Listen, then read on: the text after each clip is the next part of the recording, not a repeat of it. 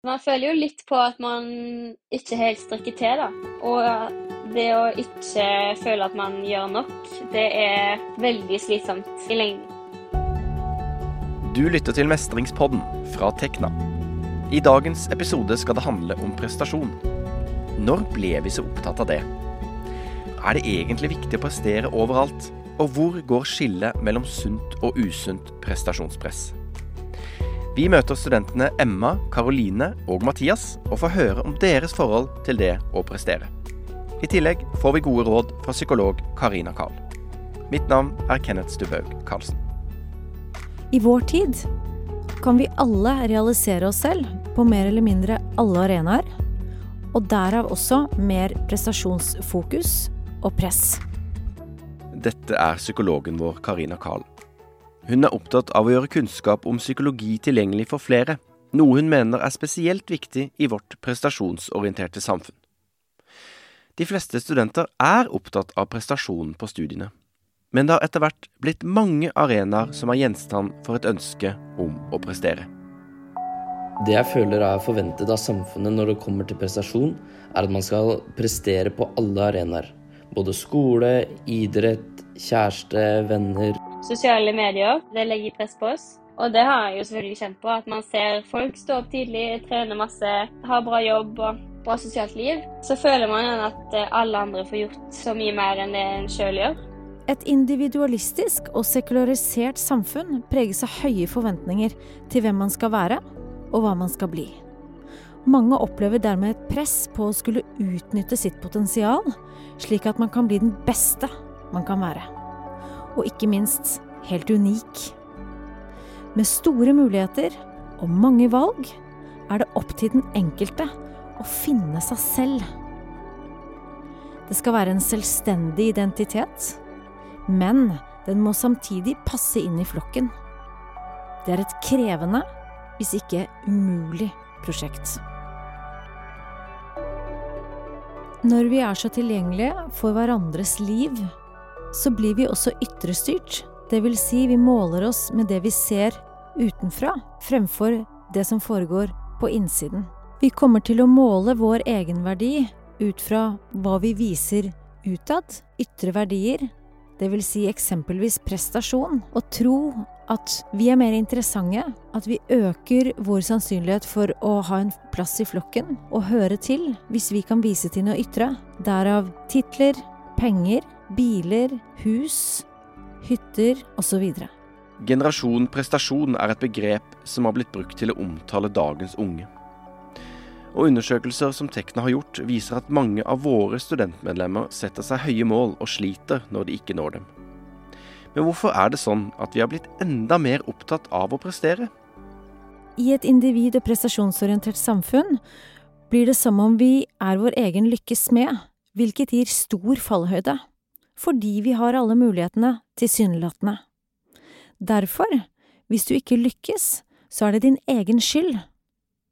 Men dette er jo unyansert, og svarer ikke til hvordan det faktisk er.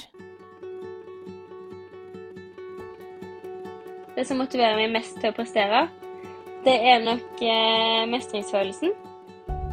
Noen ganger så føler jeg at jeg studerer fordi alle andre gjør det, og ikke nødvendigvis fordi jeg syns matten er eh, dritspennende. Men jeg prøver å tenke at eh, jeg gjør det for meg selv.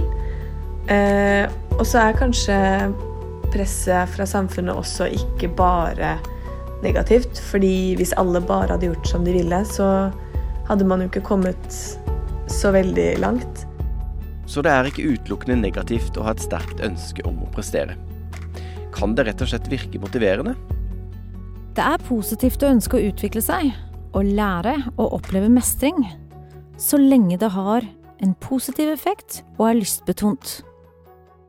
De arenaene jeg er mest opptatt av å prestere på, er uten tvil skolen. Det er der jeg selv har lyst til å gjøre det bra. Jeg føler at det er forventet at man gjerne skal prestere bra på mange områder. Både sosialt og på skolen og på trening og i matveien. Og det kan kanskje bli litt eh, slitsomt og litt overveldende.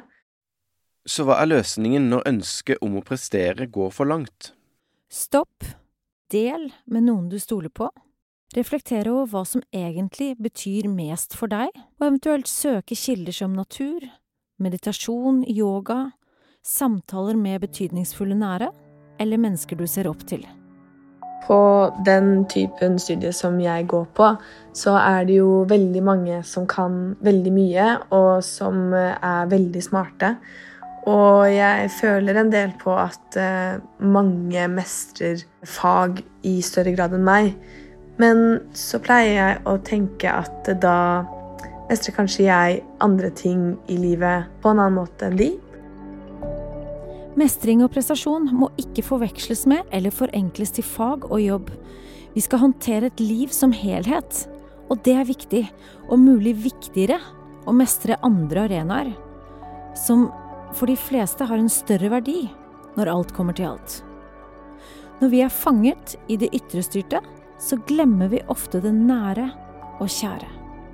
Oss selv, våre viktigste nære, øyeblikkene, nærvær og hverdag. Det kan også være lurt å være bevisst på hvem du egentlig presterer for. Jeg presterer først og fremst for meg selv, men eh, jeg vil også gjøre familien og vennene mine stolte.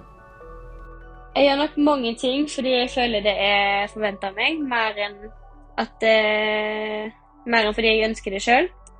Gjerne litt ubevisst òg, men man hører jo gjennom hele oppveksten at man må få seg jobb og utdanning. Og de siste, de siste årene på videregående så hørte jeg fra mange voksne at man måtte være forsiktig med å ta det friåret, fordi at uh, man kunne fort bli for, for, komfortabel med å ha inntekt. Men nå som jeg er eldre, så har jeg angra egentlig på at jeg ikke tok mer styring og kjente etter hva jeg sjøl hadde eh, lyst til. Og nå sitter jeg jo igjen, eh, vurderer om jeg skal ta pausesemester eller år etter levert master, men igjen så tenker jeg veldig mye på om det kommer til å se dårlig ut på CV-en for framtidig arbeidsgiver. Det krever mot å våge å lytte og identifisere hva som betyr mest for en selv, herunder prioritere lek, tørre å gi slipp og være tro. Det letteste er ofte å gjøre det vi tror forventes, hvilket mange gjør, og som også, naturlig nok, står på listen over det de fleste angrer mest på på dødsleiet. Og dette er det faktisk skrevet en bok om. Av en australsk sykepleierske. Boken heter The Top Five Regrets of the Dying. Øverst på listen var nemlig at man skulle ønske at man hadde levd et liv tro mot seg selv og ikke den man trodde var forventet av andre. Det er derfor viktig å implementere lek og innhold som ikke nødvendigvis har nytteverdi. Det som betyr mest, det som gir, det som nærer. Dersom jeg ikke klarer å prestere på alle arenaer, så tenker jeg jo at det, det er veldig klisjé å si, men jeg tenker jo at det gjør meg menneskelig.